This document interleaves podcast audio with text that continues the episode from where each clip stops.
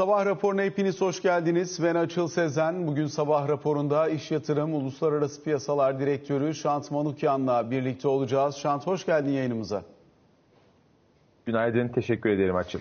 Önce bir dünü derleyip toparlayacağım müsaade edersen. Çünkü önemli düzenlemeler, önemli gelişmeler var. İç piyasada seninle yurt dışı piyasaları konuşacağız ama bir üstünden geçip bilgilendirme babında değerlendirme özet yapmakta fayda var diyerek. ilk etapta dün gelen büyüme rakamlarını takip ettik. Türkiye'de yıllık büyüme 2022 yılında %5.6 olarak gerçekleşti. Çeyreklik büyüme olarak baktığımızda ise %3.5'la beklentilerin üzerine bir büyüme verisi gördük. Özellikle hem hane halkı tüketiminin e, ciddi anlamda e, etkili olduğunu hem devletin nihai tüketim harcamalarının bu bağlamda e, belirli ölçüde destek verdiğini gözlemledik. Yatırımlar kalemi de nispeten canlı kalmaya devam etti. Diğer taraftan yine gelen düzenlemelerden bir tanesi resmi gazetede yayınlandı. Sermaye artırımlarında uygulanan kurumlar vergisi istisnalarına çeşitli ek katkılar ve düzenlemeler geldi. Hem yurt dışından gelen kaynağın sermaye sermaye artırımında kullanılması halinde uygulanacak olan oran %75 olarak belirlendi. Hem aynı zamanda burada sermaye artırımı sonrasında uygulanacak e, kurumlar vergisi istisnasında dönem koşulu 5 e, yıla yayılacak şekilde yeniden düzenlendi. Gün boyunca Bloomberg KT ekranlarında bunları da aktaracağız. Yine özellikle ilk etapta 2 milyon 250 bin kişiyi doğrudan ilgilendireceğini beklediğimiz emeklilikte yaşa takılanlar düzenlemesi bir gün içerisinde meclisten geçti. Meclise sunulduğu şekliyle geçtiğini söyleyebiliriz. Dolayısıyla sadece aynı şirkette çalışmaya devam edecekleri için geçiş süresi 10 günden 30 güne uzatıldı. Bunun dışında prim gün şartı olduğu gibi korundu. 5000 günden başlayan 5950 güne kadar devam edecek ve yükselecek olan bir kademe uygulaması söz konusu. Bu da ciddi anlamda tepki görmüştü ama olduğu gibi korunduğunu gözlemliyoruz. Diğer taraftan yine dün Türk İş'ten gelen veriler var. Açlık sınırı %6.3 artışla 9400 liraya çıktı. Yoksulluk sınırı 30 bin liranın üzerine gelmiş oldu. Bütün bunların yanında bir de üretim maliyetlerine BOTAŞ tarafından gelen doğalgaz indirimi var. Son bir not olarak da bankalara yapılan Merkez Bankası'ndan bir sözlü uyarı var. Kur korumalı mevduatla ilgili olarak TL hazine karşı taraflı işlemlerden çıkıp döviz alıp ertesi gün Merkez Bankası karşı taraflı işlemlere dönüş eğer gerçekleştiriliyorsa Merkez Bankası bankaları uyarıyor ve diyor ki biz bunu TL dönüşüm oranlarında TL payına saymayacağız. Dolayısıyla böyle bir uyarı var. Biz iç gündemi böylelikle özetlemiş olalım. Şant senin gündemine dönüyorum şimdi. Özellikle uluslararası piyasalarda olup bitenlere bakmaya çalışacağız. Aslında genel anlamıyla Şubat ayı biraz tema değişikliklerine sahne oldu gibi görünüyor. Yılbaşında kuvvetli enflasyonda zirveyi gördük. Arkasından merkez bankalarında da pivot seviyelere gelmeye yaklaştık. Dolayısıyla biz buradan şansımızı bir deneriz diyen yatırımcıların hisse senedi piyasasındaki bereketi gördüğü bir e, ay geçti. Ama Şubat'la birlikte tablo biraz daha tersine dönmeye, enflasyondaki yapının biraz daha kalıcı olduğu anlaşılmaya, aynı zamanda verilerin de canlılığı Merkez Bankası'nın dolayısıyla piyasanın bu temasını biraz daha güçleştirmeye başladı. Dolayısıyla biraz daha zorlu bir ay olduğunu söyleyebiliriz. Şimdi Mart'la birlikte temada değişen ne var diye sorayım sana.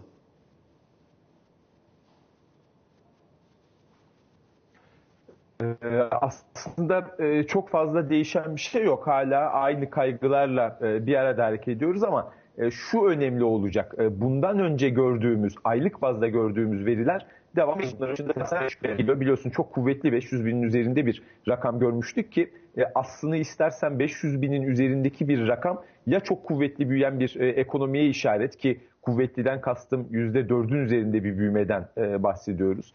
Ya verimlilik oranında çok ciddi bir gerileme olması lazım ki bunun da e, ipuçlarını almadık e, veya bir anomali e, olması lazım. Dolayısıyla e, bu veriler devam edecek mi etmeyecek mi? Enflasyon içinde iş gücü piyasası açısından da e, en önemli olan e, nokta bu. Tabii bunun yanında alt göstergeler var. Yani tüketici e, temposunu sürdürecek mi? Bugün gelecek olan ISM'de bir toparlanma olacak mı? Çünkü e, biliyorsun geçtiğimiz yılın e, ikinci yarısında veya son çeyreğinde 2023'ün birinci yarısına odaklanan bir resesyon beklentisi vardı. Artık o giderek e, ötelenir duruma geldi. O açıdan bu saydığım veriler de önemli bir gösterge. Şimdi bir taraftan istihdam verileri güçlü, öbür taraftan dönüp baktığımız zaman hala enflasyon aşağı geliyor ama hedefe yaklaşmasına, yakınsamasına var. Çünkü ücretleri de canlı görmeye devam ediyoruz. Hatta FED başkanlarından gelen açıklamalar da buna biraz daha işaret ediyor. Özellikle iş gücü arzındaki nispi eksilme buraların hala canlı kalmaya devam etmesine neden oluyor diye.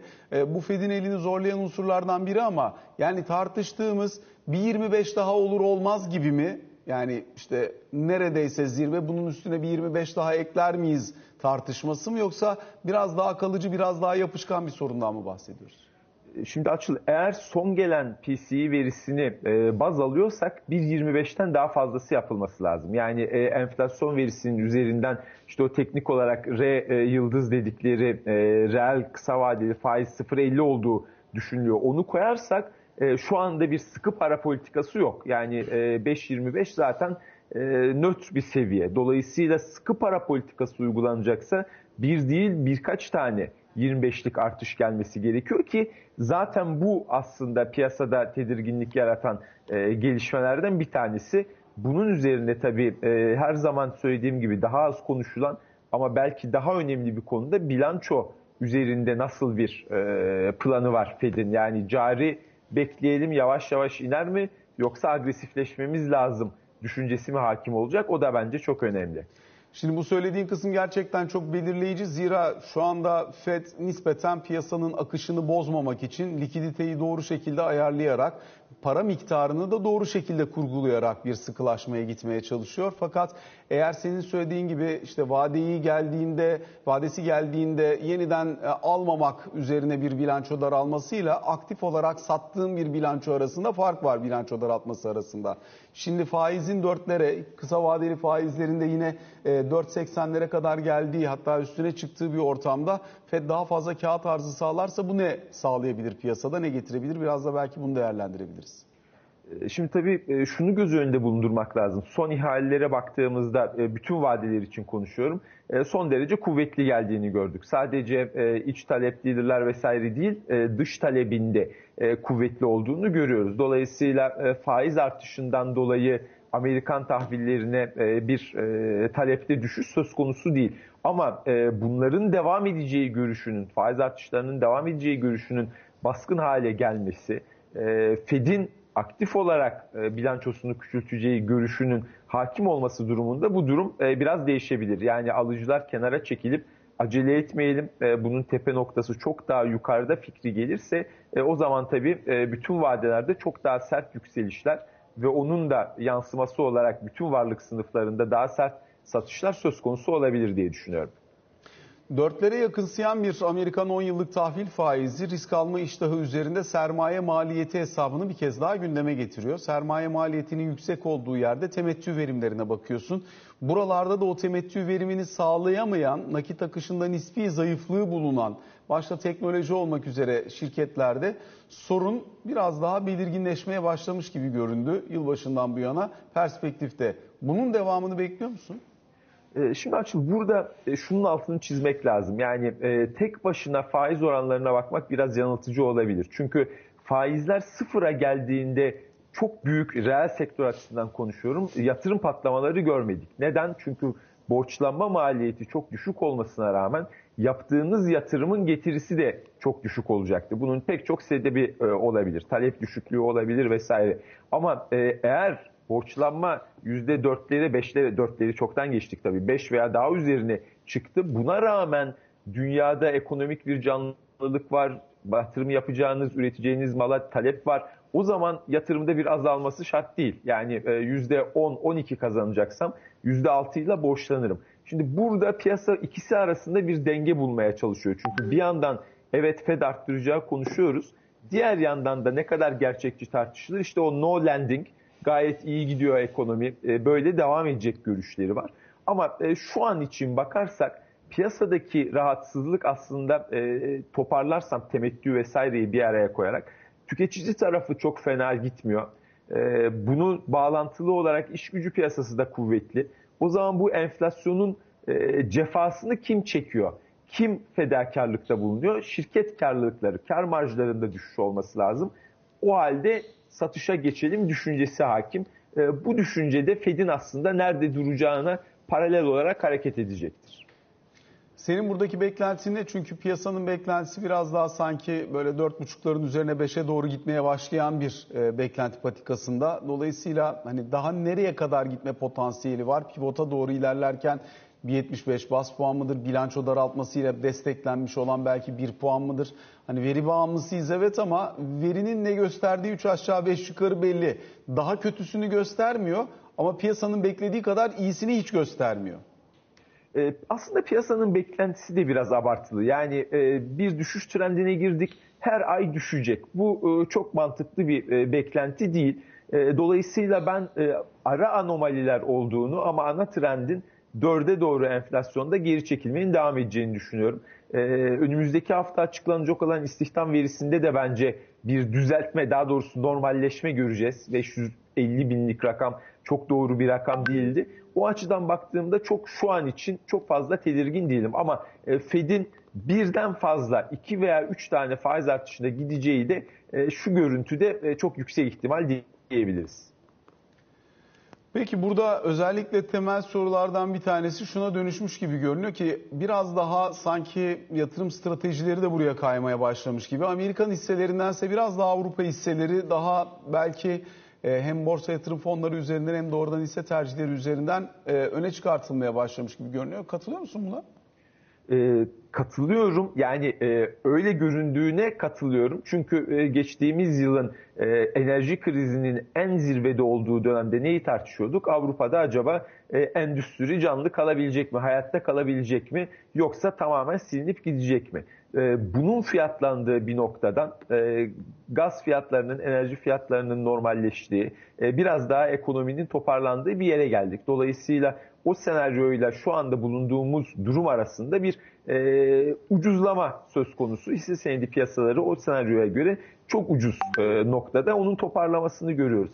Ama son açıklanan Almanya'nın büyüme verisinde de gördüğümüz üzere endüstri öyle toparlanabilmiş değil. Örneğin kimya şirketlerinin, e, BASF vesaire benzerinin Almanya'dan çıkmaya başladığını, üretimi kaydırmaya başladığını görüyoruz. Dolayısıyla o enerji konusu e, bence hala önemli. E, kısa vadede evet çok daha ucuz gözüküyor ama uzun vadede ucuz olmasının çok makul bir sebebi olabilir. E, bu bence henüz netleşmiş değil. Enerji dedin oradan devam edelim. Özellikle Avrupa'daki gaz fiyatlamasına baktığımızda mesela kontratların 50 euroların altına kaydığını, 46-47 eurolar civarına gidip geldiğini gözlemliyoruz. Dolayısıyla yumuşak bir kış geçti Avrupa'da. Bunun çok doğrudan bir etkisi var gibi görünüyor. 350-360 eurolara gitmiş olan kontratın bu kadar gevşemesi bunun bir göstergesi. Fakat aynı imserliği, bir buradaki imserliği sürdürüyor musun tabii ilk soru. İki, buradaki imserliği petrol tarafı içinde görüyor musun acaba? Ee, şimdi mevsim koşullarına dayanan bir e, geri çekilme bu. Sonuç olarak e, Avrupa tam olarak Rus gazını nasıl ikame edeceğini, aynı ucuzlukta bir enerji kaynağına ulaşıp ulaşamayacağını netleştirebilmiş değil. Nitekim bazı açıklamalara bakarsak iki yıl içinde de çok netleşmeyecek alternatif kaynakların bulunması. Dolayısıyla enerji tarafındaki rahatlamanın e, kalıcı olması elbette mümkün. Çok daha e, bundan sonraki dönemde de e, rahat bir kış geçirilebilir. Ama bir şekilde önümüzdeki 6 ay içinde rezervler azalmış olacak ve bunların nasıl doldurulacağı, hangi maliyetten doldurulacağını yeniden tartışıyor olacağız. Petrol tarafında aslında birkaç hafta önce bu konuşmayı yapıyor olsaydık en fazla tartışılan konu biliyorsun Çin'in açılması ve oradan doğacak olan talepti. Orada tabii bence atlanan nokta Çin petrol talebinde zaten kapalı olduğu dönemde de çok büyük bir düşüş görmemiştik. Dolayısıyla açılmayla beraber de çok büyük bir talep artışı görmedik. Ama bu sabah gelen e, PMI verilerine baktığımızda Çin ekonomisi e, belli ölçüde e, net bir canlanma içinde. Dolayısıyla petrole bir taban çizmesi açısından bunu önemsiyorum. Tekrar WTI için konuşuyorum. 100 dolarlara gidebilir mi? Çok hassas bir dengedeyiz. En ufak bir aksamada gider. Ama şu an için benim beklentim 75-80 aralığının makul bir seviye oldu. Bundan sonraki dönem açısından özellikle eğer bir resesyon fiyatlaması olacaksa emtianın seyrinin ne olacağı, o resesyon olacaksa onun sertliğinin ne olacağı ayrı bir fiyatlama yumuşak geçecekse o zaman bu ayrı bir fiyatlama. Hangi temaya daha yakınsın? Ee, Ben yumuşak tarafına biraz daha yakınım. Şundan dolayı e, aynı yere ikinci kez Yıldırım düşmeyeceği görüşüyle. Yani evet faizler artıyor ama e, borç oranları artıyor vesaire ama e, bu bilançonun bir tarafı. 2008 krizinden önceki döneme gittiğimizde hane halkının bilançosuna baktığımızda, borç ödeme kapasitesine baktığımızda veya Amerika Birleşik Devletleri'nin e, borç oranının ekonomiye oranına vesaire baktığımızda, şirketlerin ne kadar kaldıraçlı olduğuna baktığımızda bu 2008 veya 2002 resesyonlarına oranla daha normal, daha standart bir resesyon gibi gözüküyor. Ee, ben her zaman söylüyorum yani yıllardır söylüyorum e, bunu. Benim kaygılandığım taraf Amerikan ekonomisi değil. Ee, Avrupa ve Çin daha zor durumda. Çin kapalı olduğu için daha kontrollü. Avrupa açık bir ekonomi olduğu için daha problemli bir yer. O yüzden burada e, tamamen Amerika'ya odaklanmayı çok doğru bulmuyorum. Özellikle Çin-Rusya yakınlaşmasının piyasa üzerinde bir noktadan sonra fiyatlamaya girmesini bekler misin diye de sorayım. Çünkü Rusya'nın sahada pek aradığını bulamadığı belli. Çin'in de biraz daha bu sistemi koruyabilmek yaklaşımıyla ortaya sun- sun- sunduğu bir barış teklifi var. Bunun yansıması var. Çin bir yandan kendisi açılmış. E, Dolayısıyla bunun getirdiği ekstra bir e, açılma fiyatlaması da var piyasada ama bu jeopolitik gelişmelerin bir yerde kendine fiyatlama bulmasını bekler misin? Şimdi bu iki şekilde e, fiyatlama bulabilir. Bir tanesi şu anda zaten başlamış durumdayız. İşte Amerika'nın Rusya, Çin'e olan fon akımlarını kesmeye çalışması, çip konusunda Hollanda, Japonya ve buradaki ilgili şirketleri yanına çekmeye çalışması, buna karşılık Çinli şirketlerin piyasadan ikinci el e, çipleri toparlıyor e, olması vesaire bunlar zaten e, ufak ufak e, bence yansımaya başladı. E, ikinci aşama ciddi anlamda bir e, ülkelerin e, sıcak temasa girmesi veya oraya doğru bu işin e, gittiğinin düşünülmesi. Çünkü Amerika e, yani normalde karşı tarafı bu kadar zorluyor olması e, biraz tehlikeli bir işaret gibi geliyor bana. O açıdan henüz net bir fiyatlama görmedik. Bence ilk göreceğimiz yerde Rusya'dan ders alan Çin'in Amerikan tahvillerini satıp altın pozisyonlarını, rezervlerini de arttırıyor olması olur.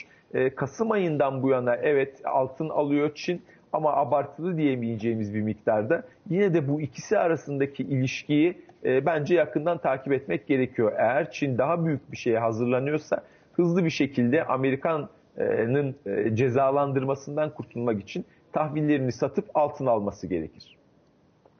Şimdi bu da yine önemli e, bakış açılarından bir tanesi. Altın açısından çok kötü bir ay oldu. Dolayısıyla hani buradaki geri çekilme 1800 dolar sınırına kadar getirdi altını. Merkez bankaları burada satıcı, alıcı bulmakta da güçlük çekiliyor aslında bakacak olursak. E, doların nispi güçlenmesi de ay içerisinde buraya sanki etki yapmış gibi duruyor. Fakat bundan sonrası için o tarafa ilişkin bakışın nedir? Özellikle altın yatırımcısı için. Şimdi oradaki e, hikaye e, yani normal bir dünyada savaşı vesaire bir kenara bırakıyoruz. Reel faizlerin e, nereye doğru gideceği. E, açıkçası ben de önümüzdeki e, geride bıraktığımız e, Aralık ayına baktığımda reel faizlerdeki artışın bittiğini dolayısıyla altının da toparlanma sürecine gireceğini düşünüyordum. Ama şimdi acaba 25 mi arttırır, 50 mi arttırır, kaç tane arttırır konuştuğumuzda demek ki reel faizlerde artış devam edecek görüşü hakim olmaya başladı. Ama orada da ben e, çok ucunun açık olduğunu düşünmüyorum açıkçası. Dediğim gibi enflasyon tarafında da iş gücü tarafında da tekrar geri çekilmeler beklediğim için buralarda dengeleneceği görüşündeyim. Ama böyle olmayacak enflasyon verileri birkaç ay daha kötü gelecekse elbette o zaman çok daha sert satışlar yaşanacaktır. Arkadaşlar ekranı alırlarsa sen göremeyeceksin büyük ihtimalle ama ben e, bildiğin varsayımıyla söyleyeyim spekülatif pozisyonlarda yani kırmızıyla gördüğümüz barlarda son dönemde bir artış var. Buralardaki bu artışın devamı konusunda bakışın nedir diye de sorayım. Çünkü merkez bankaları evet çok belirleyici ama öbür taraftan söylediğin gibi reel faiz hesabı ya da orta uzun vadeli olarak bakışta e, nereye gidilebileceğine dair perspektif de belirleyici.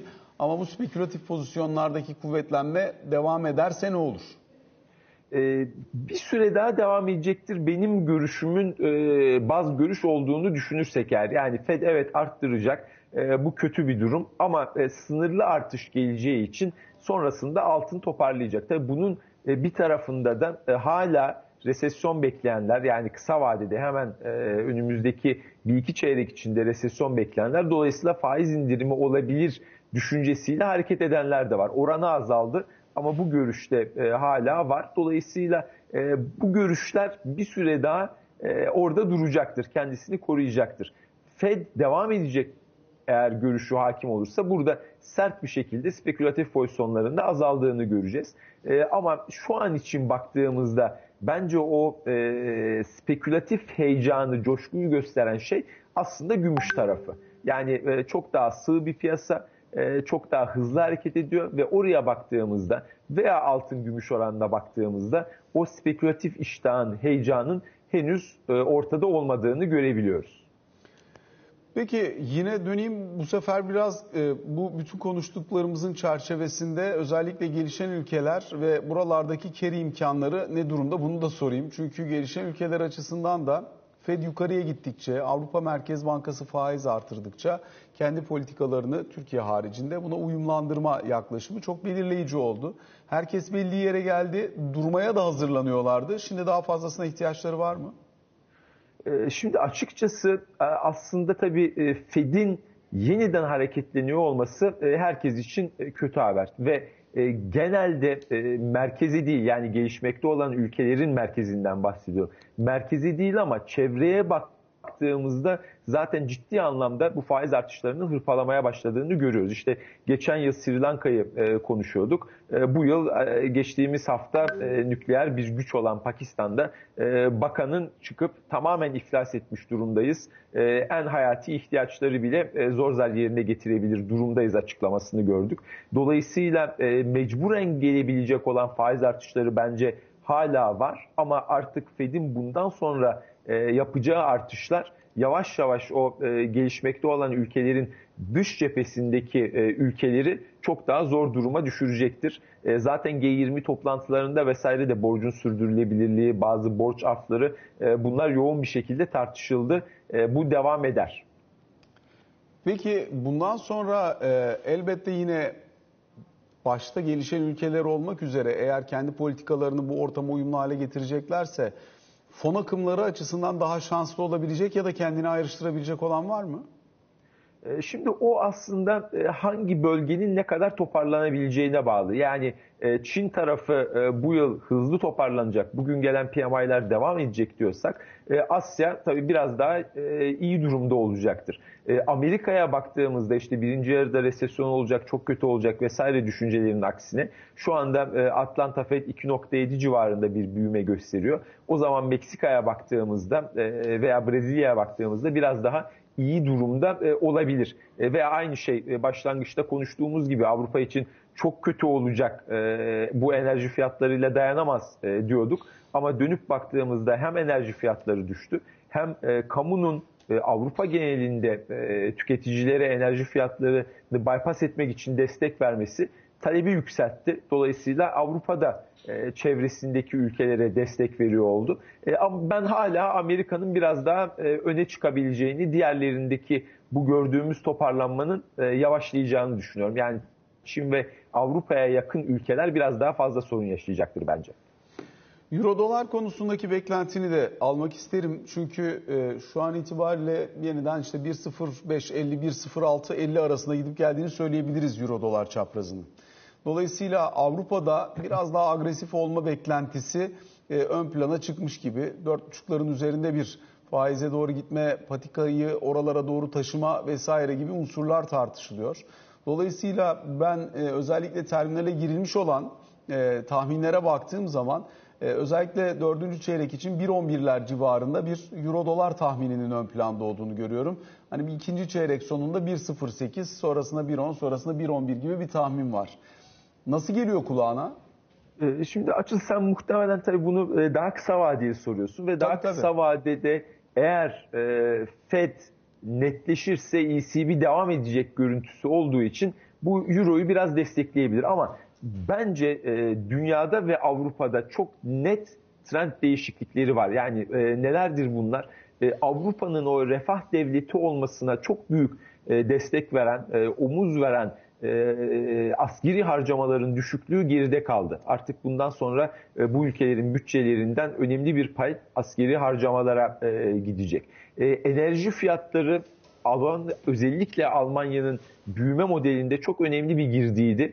Orada büyük ihtimalle Rusya ile inşallah barışılır tabii ama büyük ihtimalle çok temel e, bir değişiklik oldu. E, Avrupa'nın demografisi tıpkı e, Çin'de olduğu gibi çok hızlı bir şekilde e, yaşlanıyor. Burada bir e, değişiklik oldu. Ukrayna'dan gelen göçü özellikle Almanya ve diğer ülkeler açısından baktığınızda bütçe üzerinde ciddi baskı oluşturacak bir gelişme. Burada neler olacağını bilmiyoruz. Dolayısıyla böyle çok madde sayabilirim. Şimdi uzatmak istemiyorum. Bütün bunlara baktığımda ben Amerikan dolarının Euro'ya oranla daha şanslı olduğunu düşünüyorum. O yüzden orta uzun vadeli tutmak isteyeceğim parite e, dolardır, Euro değil. Sterlin için ne söylersin? Özellikle Avrupa Birliği ile sağlanmış olan bir anlaşma var. Özellikle Kuzey İrlanda ile ilgili uzun süredir bir yapısal zorluk var İngiltere ekonomisinin içerisinde. Evet. İngiltere Merkez Bankası da buna faiz artışlarıyla, sıkılaşmayla mukabele etmeye çalıştı ama zorlukları sürüyor. Dolayısıyla bunların sterlin üzerindeki potansiyel etkisini nasıl görürsün? Ee, orada dediğim gibi yani Brexit'in bile daha tam olarak netleşmediği bir e, yerden bahsediyoruz. Ama e, genel olarak baktığımızda bu sorunları çözebilirse Avrupa'ya oranla daha iyi bir yerde e, durduğunu düşünüyorum. Dolayısıyla dolarla euro arasında bir yere koymayı tercih ederim orta vadede. Şantman Uken çok çok teşekkür ediyoruz sana. Bu sabah bizlerle birlikte olduğun sorularımızı yanıtladığın için kısa bir araya gideceğiz. Sonrasında Ali Can Türkoğlu bizlerle birlikte olacak.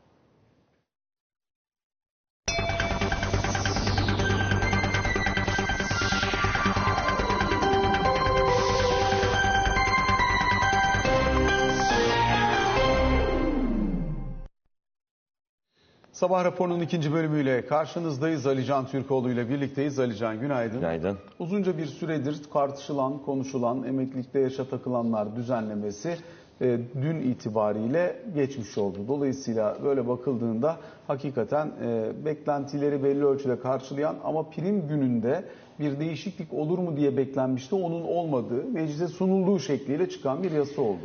Evet herhangi bir değişiklik yok. Sonunda çok uzun süredir beklenen bizim de e, neredeyse her yayında bir dönem konuştuğumuz işte meclise sevkinden mecliste nasıl görüşüleceğine e, herhangi bir değişiklik olup olmayacağından işte yaştır, prim günüdür bunlarla ilgili yeni bir farklı bir düzenleme olur mu sorularını da beraber getirmişti.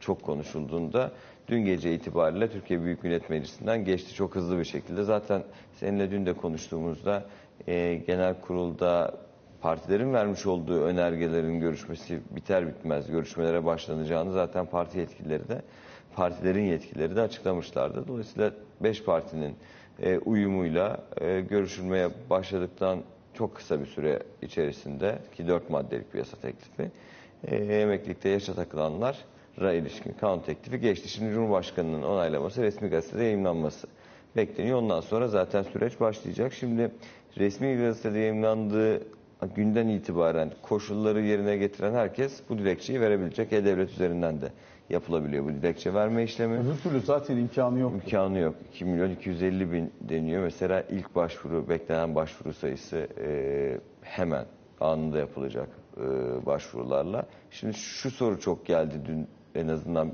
benim e, karşılaştığım bir soru oldu. Hemen dilekçeyi vermek gerekiyor mu? Şimdi resmi gazetede diyelim ki bugün yarın yayınlandı e, hemen vermemiz mi gerekiyor? Veremeyebilirsiniz yoğunluktan Mart, dolayı zaten. Mart ayının herhangi bir gününde verilmesi fark ettirmeyecek. Çünkü birinde de versen 30'unda da versen, de versen 30'unda da versen aynı şekilde Nisan başı itibariyle almaya hak kazanılıyor. Ee, Hak kazanılan maaş Mart maaşı değil Nisan ayı itibariyle alınmış olacak. Nisan ayı itibariyle alınmış olacak ama dilekçeyi kaçında verdiğin önemli değil. Sadece o ayın başında veya sonunda vermiş olman o ay için verdiğin anlamına geliyor zaten. Orası, 30'unda verdin bir sonraki ay alabilirsin ama hakkınla birlikte alacaksın. Hakkınla birlikte alıyorsun. E, 4A statüsünde çalışanlar yani SSK statüsünde çalışanlar iş yerinden ayrılıp sonra emeklilik dilekçesini veriyorlar. 4C olanlar yani emekli sandığı kapsamındakiler çalıştıklık, çalıştıkları kurumdan emeklilik onayı aldıktan sonra emekli olabilecekler. E, koşulları yerine getirmemiş olanlar var ise koşulları tamamladıkları tarihten itibaren emeklilik dilekçesi verdiklerinde dilekçe tarihini izleyen ay başından itibaren emekli aylıkları yapılacak gözüküyor. Şimdi farklı detay var mı e, bizim burada konuşmadığımız diye bir yandan da ona bakıyorum teklif içerisinde. E, ama ilk aylık ödemesi ne zaman yapılırsa yapılsın 1 Nisan'dan itibaren geçerli olmak üzere toplu ödemenin yapılacağı yönünde bir bilgi var. Yani herhangi bir hak kaybı olmayacak gibi gözüküyor. Bu arada şöyle de bir durum var. Mart ayında dilekçe verenler için e, Mart ayı içerisinde dilekçe verenler Nisan ayında Ramazan bayramı var. Ramazan bayramı dolayısıyla bir de ikramiye olacak. O 1100 lira tutarındaki ikramiyeyi de alabilecekler. Yani Mart'ın içerisinde eğer emekliye ilişkin dilekçe verilirse Nisan'da aynı zamanda e, işte 1100 liralık o ikramiyeyi de almaya hak kazanıyorlar. Dolayısıyla tüm EYT'liler için hayırlı olsun. Bir süre sosyal güvenlik veya sigorta konusu konuşulduğunda emekliye yaşa takılanlarla ilgili bir sürecin konuşulmayacağını artık söyleyebiliriz. Peki e, bir kurumlar vergisi istisnası ve kurumlar vergisine ilişkin düzenleme de yayınlandı resmi gazetede. Burada özellikle yurt dışından getirilen ve şirkete sermaye olarak aktarılan kısım için kurumlar vergisi istisnasının nasıl düzenleneceği ya da sermaye artırımlarında dönem düzenlemesinin nasıl olacağına dair detaylar var. Ee, Bloomberg.com.com'da çok detaylı göre izle, okuyabilir e, izleyicilerimiz. Kurumlar vergisi genel tebliğinde nakdi sermaye artışlarının yurt dışından getirilen nakitle karşılanan kısmı için söz konusu indirim oranı %75 olarak e, uygulanacak yönünde bir e, karar var. E, daha da detaylı ancak beklenen bir e, değişiklik olarak değerlendiriliyordu e, vergi uzmanları tarafından özellikle. Dolayısıyla ge- bu gece itibariyle yürürlüğe giren, yayınlanan resmi gazetede de e, var. Dolayısıyla artık yürürlüğe girdi. Peki e, diğer taraftan yine seçim senaryoları ile ilgili tartışmalar devam ediyor. Aday açıklaması ne zaman bekliyoruz? Benim beklentim yani 2 Mart'ta yarın toplantı Millet İttifakı'nın toplantısı olacak. Ee, aday belirleme yöntemi ve muhtemel aday isimleri konuşulacaktır. Ben ortak aday konusunda da bir uzlaşma olabileceğini düşünüyorum ama açıklamanın gelmesini beklemiyorum. Ee, açıklama muhtemelen yani bu grup toplantısında belki Cumhurbaşkanı değinir ama 10 Mart'ta işte seninle böyle detaylı bir şekilde konuştuğumuz YSK takvimi var ya işte 14 Mayıs'ta eğer seçim olacaksa Cumhurbaşkanı çıkıp bunu 10 Mart'ta açıklayacak Cuma günü. 10 Mart'ta eğer 14 Mayıs'ta yapılacaktır seçim açıklaması gelirse ben Millet İttifakı'nın da e, kendi adayını kamuoyuna açıklama tarihinin o açıklamayı bekleyeceğini düşünüyorum. Yani benim beklentim e, Cumhurbaşkanı'nın 10 Mart'ta konuşacağını varsayarak söylüyorum bunu.